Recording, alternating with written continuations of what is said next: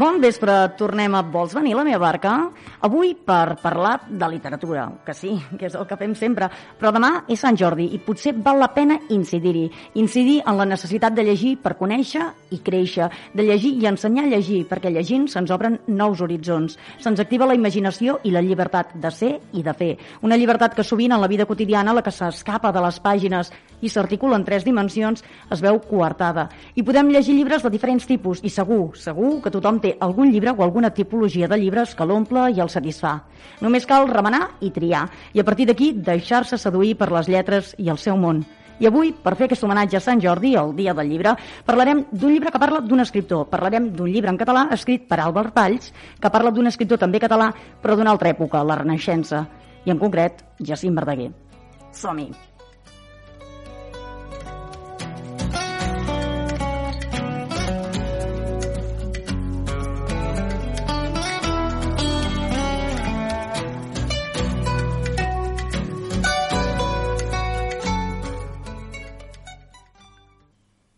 L'Àlvar Valls és moltes coses i podríem dir que en totes s'hi ha esmerçat amb talent, energia i ànima. Poeta, escriptor, traductor, periodista, corrector, professor i activista polític, la qual cosa el va portar fa anys a conèixer aquesta paraula que tant de moda, per desgràcia, s'ha posat ara, l'exili. Avui, però, ens centrem en la seva tasca com a novel·lista, que en aquest cas, amb Entre l'infern i la glòria, l'obra que avui comentarem, li ha comportat el Premi Amat Piniella 2021 i ha estat també finalista del Premi Finestres de Narrativa en Català. Bon vespre, Àlvar, i moltes felicitats per començar. Hola, bon vespre. Entre, entre l'infern i la glòria se centra en la figura de Jacint Verdaguer, en concret en els seus últims anys. Verdaguer, és clar, va estar envoltat de molta polèmica. Uh, Fes-nos en cinc cèntims, per si algú no, no sap tota aquesta història. Mira, uh, uh, Entre l'infern i la glòria és una novel·la on eh, es fa eh, la història dels últims dies de, el 18 últims dies de la vida de Verdaguer.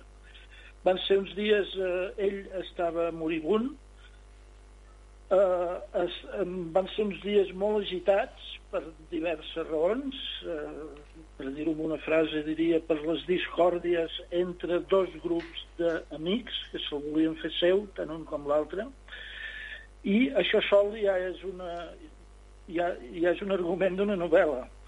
Però eh, jo hi vaig voler afegir eh, el conjunt de la vida del Verdaguer. És a dir, d'aquests 18 dies que són 18 capítols de la novel·la pengen eh, en total 64 episodis de la vida de Verdaguer. Des de la joventut fins a, fins a aquell mateix moment de, eh, de la mort diguem el títol, evidentment, és significatiu de tots aquests fets i ens mou entre dos pols religiosos, no? la bondat i la maldat, en els quals uh, es va trobar immers Verdaguer.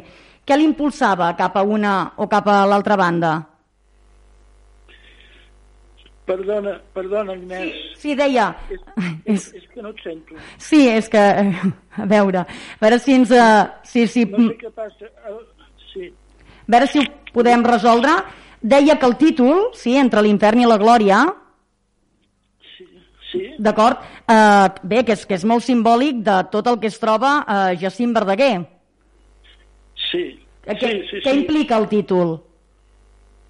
Bé, el, el títol vol indicar, entre l'infern i la glòria, eh, que la seva vida es va moure entre, entre la seva... La seva vida va ser un infern, eh, per diverses raons, per raons de salut, per una banda, i per raons del que se'n va dir el drama de Verdaguer, és a dir, que per una sèrie de circumstàncies eh, bé, el bisbe el va suspendre de dir missa i va haver doncs, tot un escàndol social, eh, etc. I, I per tant, això és un infern. Anava d'un episodi a un altre d'infern.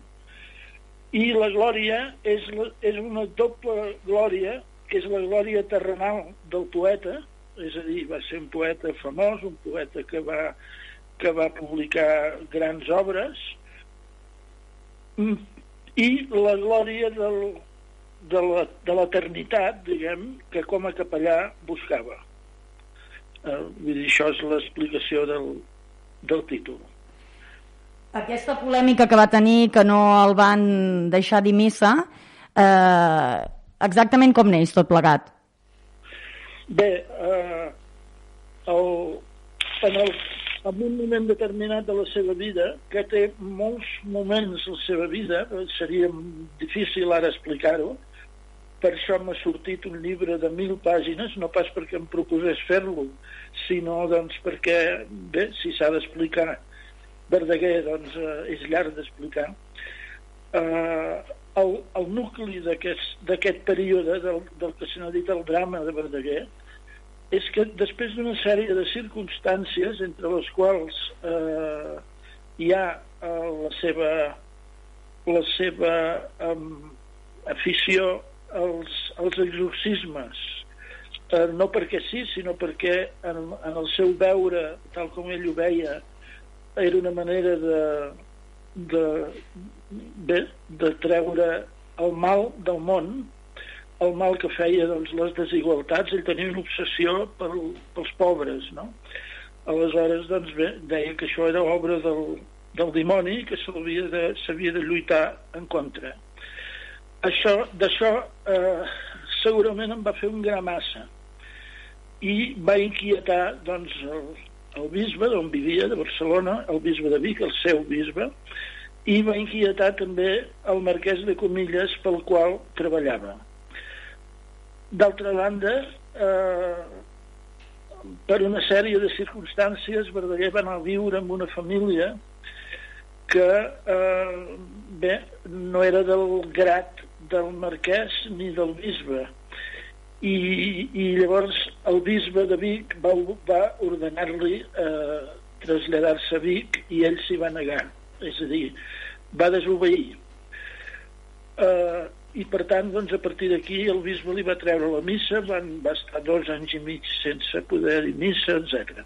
Eh, ve, ve de tot això el que passa és que en aquell moment doncs, eh, Bé, Verdaguer formava part d'un o estava, estava escrit, diguem, en, en el sector doncs, del, del, del que se'n deia en aquell moment regionalisme, que és el que després eh, seria la Lliga, i tot aquest sector eh, va, el, bé, tot aquest sector, a part d'individualitats d'amics seus, però en general el sector doncs, eh, se li va posar en contra i bé, va començar a córrer que si era boig, que si bé, etc. tota una sèrie de, de coses ell va, va, va recuperar la missa al cap de dos anys i mig per obra i gràcia dels dels, dels frares de, de l'Escorial i del bisbe de Madrid la intervenció de,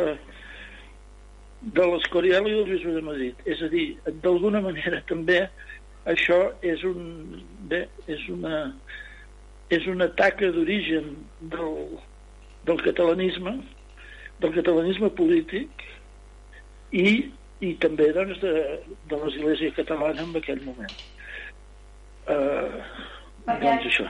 Sí, sí, perquè, eh, com has dit eh, abans, no? no només ens parles, de fet, d'aquests últims moments de la vida de Verdaguer, sinó de, de, la, de, de, de tota la vida de Verdaguer, no? Acabes eh, tractant també eh, altres aspectes de la vida de Verdaguer. Eh, com era aquella època? Què passava a Barcelona? Ell era de Folgueroles, però evidentment eh, tot, tot l'afectava, no? La, la vida d'aquell moment l'afectava. Agnès, sí. Agnès, no el sents. Igual. És que no et sento bé. Bé, a veure, sí, no, tornem-hi que dic l'època, l'època que va viure, que és l'època de la Renaixença, eh, com era aleshores, què passava, no? des del punt de vista literari, des del punt de vista de la societat? Sí, bé, en aquell moment, eh, des del punt de vista literari, hi havia una gran florida perquè era la Renaixença, eh, i a part de la Renaixença, la Renaixença era el que girava entorn dels Jocs Florals, i a part del que girava entorn dels Jocs Florals hi havia també una gran florida d'altres d'altres autors, des de poetes fins a autors de teatre, etc. Eh, no tan novel·listes, eh, que eh, bé, era aquesta, aquesta florida des del punt de vista literari. Eh, en general, aquest sector era el sector regionalista, que eh, políticament no estava al poder, Al poder hi havia els dinàstics, els sectors dinàstics de dreta i d'esquerra, del, del que avui en diríem la dreta, i els republicans, que se'n deia llavors. Uh, però amb el temps això va anar, va anar canviant. És a dir, uh, la Lliga va guanyar després unes eleccions, etc. Em sembla que era això el, el que em preguntaves. I des del punt de vista de la societat, què passava aleshores a Barcelona, al seu Fulgarol es natal? Bé, a, a, a la societat d'aquell temps, sí. doncs era, era això. Eh, no sé com t'ho explicaria. Hi havia, hi havia molt de moviment de revoltes, hi havia, la, la, la gent estava tranquil·la, com era? Sí, no, a, a aquella època hi havia una, una qüestió que dominava molt eh, el que era la societat i sobretot el poble baix, per dir-ho així, eh, el, el poble obrer, diguem, eh, que era, per un cantó, socialment, les guerres, la guerra de l'Àfrica i, la, i des, fi, després la guerra de Cuba, que sembrava a les ciutats de Catalunya, especialment Barcelona, de persones sense braços, sense cames, demanant caritat, eh, etc etc. i l'esperit de revolta de la, del, bé, del popular que eh, bé, en temps d'en Verdaguer es va, es va manifestar amb la bomba de Liceu, amb la, amb la bomba del processó de Corpus de Barcelona, que surt a la novel·la, en aquest cas, i també de vagues, vagues revolucionàries. Eh, aquelles vagues, no sé si recordeu, aquell, aquell quadre que es veu un guàrdia civil dalt de cavall amb, un, amb, amb una espasa que, que amenaça una multitud, eh? és a dir, com un d'octubre, però de veritat, eh, i que va fer molts morts, ho va pintar en cases, doncs, eh, doncs això, això passava en aquell moment. Això passava el 1902, però era però, però abans hi va haver diverses revoltes d'aquest tipus. En la novel·la també ens expliques els viatges que van prendre eh, Jacint Verdaguer. On va, on va anar i per què? Perdona, tot, sí. igual, no, no et sento bé. No, deia que, que si ens podies parlar dels viatges de Verdaguer, sí. que això ho, ho, ho, ho introdueixes sí, en la novel·la. Sí, en Verdaguer era especialment viatger. Uh, viatger de curt, de curt espai i de llarg espai. És a dir, uh, d'alguna manera, doncs, el, els primers viatges doncs, més aviat curts els va fer doncs, a Catalunya Nord, eh, per Catalunya, però de seguida doncs, va fer el, els grans viatges a Cuba, per, va ser capellà de, de vaixell eh, durant dos anys, eh, i això ho va fer per salut, perquè tenia una anèmia cerebral, una cosa parenta de la tuberculosi que se li va manifestar eh, després, cap al final de la seva vida, però primer doncs, tenia l'anèmia cerebral i va fer nou viatges d'anar i tornar a Cuba amb un, amb un vapor. Uh, a part d'això, va anar, uh, va fer un gran viatge de dos mesos a Palestina, a Terra Santa, que en deia ell. Uh, va fer un altre viatge amb l'Eusebi Güell, el, un dels, dels industrials importants d'aquell moment, parent del marquès de Comilles, eh, que va anar per França, per Alemanya, per Prússia i per Rússia. Va anar fins a Sant Petersburg. Eh, en una altra ocasió, amb el marquès, es va embarcar pel Mediterrani, va anar a Tànger, va anar a Mallorca, que a Mallorca hi havia anat diverses vegades, i va anar a Alger, i no sé si me'n deixo algun. Sí, a tots els viatges pel Pirineu, pràcticament a peu, eh, eh, quan estava preparant el Canigó. És a dir, era un gran viatger. Tot això eh, ho vaig recollir a la novel·la perquè em va semblar que la faceta de viatger doncs, era, era prou important i prou... Bé, prou... Que s'havia de recuperar. Sí, sí, exacte. Uh, es tracta d'una novel·la, eh, que ho estem dient tota l'estona, eh, entre l'infern i la glòria, uh, que es tracti d'una novel·la, uh, una història que està basada en fets reals, què vol dir? Fins on t'arriba la veritat i on comença la ficció? M'has entès? Mm, no, Inés, no t'hi entès. Bé, que deia que, eh, que, es fet, que es tracti d'una novel·la, la, mm, el fet de basar-se en la vida de Verdaguer, Sí. Què vol dir? On t'arriba la veritat i on te comença la ficció? O què vol dir que sigui una novel·la? Sí, eh, a veure, el, el fet que sigui una novel·la, eh, la meva idea va ser que per poder difondre eh, Verdaguer, fer-lo conèixer, com s'han de fer conèixer els grans escriptors en qualsevol cultura, eh, i fer-lo conèixer a més gent de, que no pas els, els aficionats a Verdaguer, diguem. Uh, per això vaig fer una novel·la. Però uh, vaig intentar, i, i espero haver-me'n sortit, uh, que, que fos el màxim de lligada a la realitat, atestada, diguem. Per tant, el que és el, els plantejaments de cada episodi eh, es basen en, amb, bé, amb, el, amb, amb el que es, els estudis verdegarians doncs, eh, expliquen de la seva vida i de la seva obra. I, eh, esclar, l'únic que, esclar, la novel·la té un, un component doncs, de, de ficció, que és, per exemple, els diàlegs concrets, que molt sovint els diàlegs concrets eh, esclar, això no es guarda, no es conserva, es conserven dades del que es parlava en tal lloc en aquell moment, però no de, de la concreció del, del diàleg, tot i que hi ha afegit, hi ha eh, dins dels diàlegs de la novel·la i fins i tot en la narració de la novel·la, eh, hi ha moltes parts que són que pertanyen a cartes de Verdaguer o a Verdaguer. Eh, hi, ha, hi, ha, hi ha una bibliografia, una, un, una, un epistolari, perdona, eh, molt extens de Verdaguer hi ha molt bé, que em va servir molt doncs, per trobar la paraula justa, per trobar el concepte, per trobar va ser un gran, un gran element a l'epistolari. I per què eh, ara precisament creus que és interessant recuperar Jacint Verdaguer? La gent l'ha oblidat?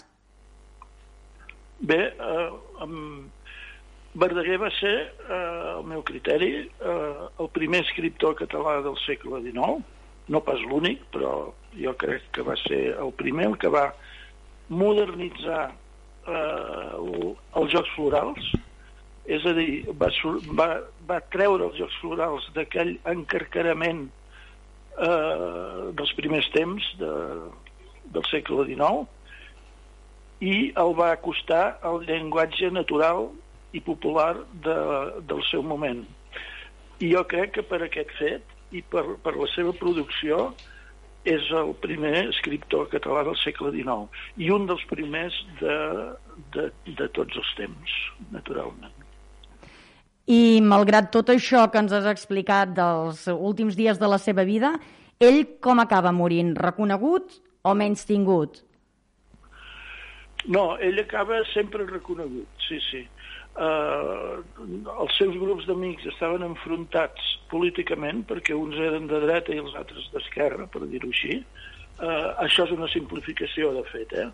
però um, alguns uns responien, eh, diguem, als, al, al, al programa de la Lliga Regionalista i els altres els altres amics doncs eren eh, eren republicans i alguns maçons Uh, però tots el tenien doncs, a dalt de tot. I el poble doncs, uh, també perquè va ser un personatge amb unes característiques de novel·la ja en aquell moment que, uh, bé, que el poble no només sabia que, que havia fet lletres de cançons com el Virolai o La mort de l'escolar sinó que el reconeixia com, com un amic dels pobres. Per això era, era, era respectat per, per tothom, fins i tot pels anticapellans, diguem, d'aquell moment. Parlo de la premsa, eh? Uh, fins i tot per la...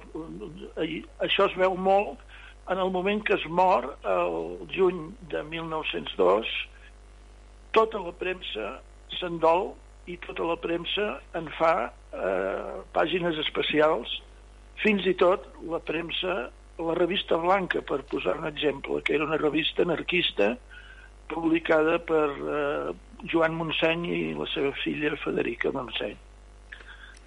I el pas del temps, creus que li ha fet justícia o no? Bé, jo diria que els, el fet històric és més, eh, actualment, diguem, és més l'escriptor que, que l'home, amb el sentit que els, els, clar, els claroscurs de l'home eh, s'acaben amb la mort, per dir-ho així. Tota la resta és arqueologia, és història, eh, que està bé que la recordem perquè eh, està bé que sapiguem aprendre doncs, de, del, del passat. Però allò que se'n diu fer-ne justícia, eh, bé, se, se, se li ha de fer en tot cas com a escriptor. Com a escriptor ha tingut, ha tingut mala sort en les últimes dècades. Eh, aquesta mala sort ve de la sotana. És a dir, a mi mateix em va passar. Jo abans d'interessar-me per Verdaguer hi veia només una sotana hi veia una sotana i hi veia aquells versets de propagandisme catòlic que si, fos, si només hagués escrit això no estaríem parlant avui de Verdaguer.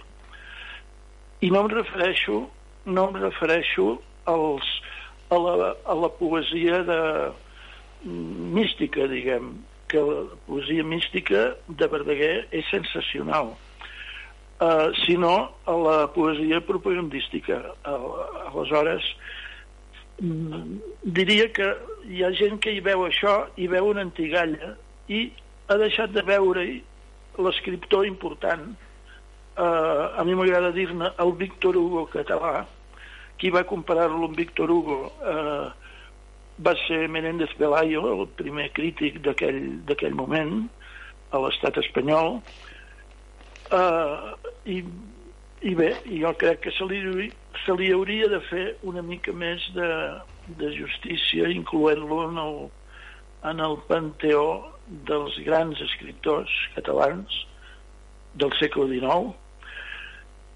uh, més del que ho està.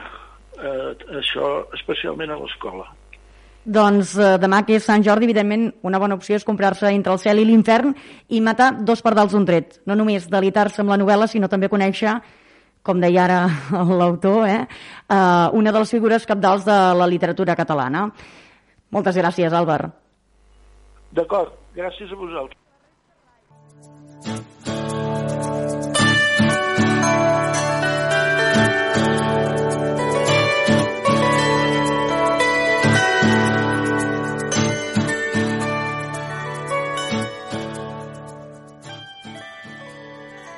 Per acabar, us recordem que des de l'Òmnium Baixcamp i el Centre de Lectura us hem preparat diferents presentacions. El 21 de maig, Reviure els fets, Memòries polítiques, de Carles Castellanos. El 8 de juny, L'aigua que vols, de Víctor García Tur, l'últim Premi Sant Jordi. I el 18 de juny, Pel meu país, de Jordi Carol. Serà a les 7 del vespre, només en línia a través del canal de YouTube Live del Centre de Lectura, en el primer cas, i en els altres també presencial a la sala d'actes del Centre de Lectura. A més, a la Biblioteca Xavier Morós també hi presentarem el dia 4 de juny a les 6 de la tarda Boulder, d'Eva Baltasar. Apunteu-vos les dates i no us ho perdeu. La cultura segura continua.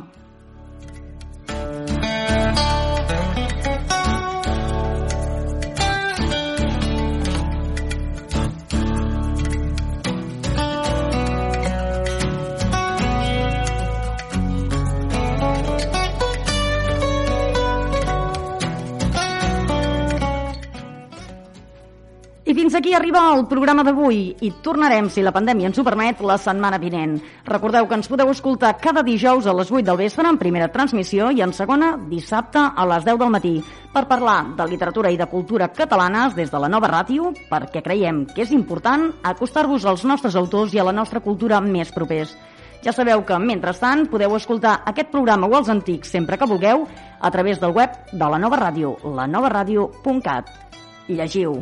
La lectura ens fa lliures.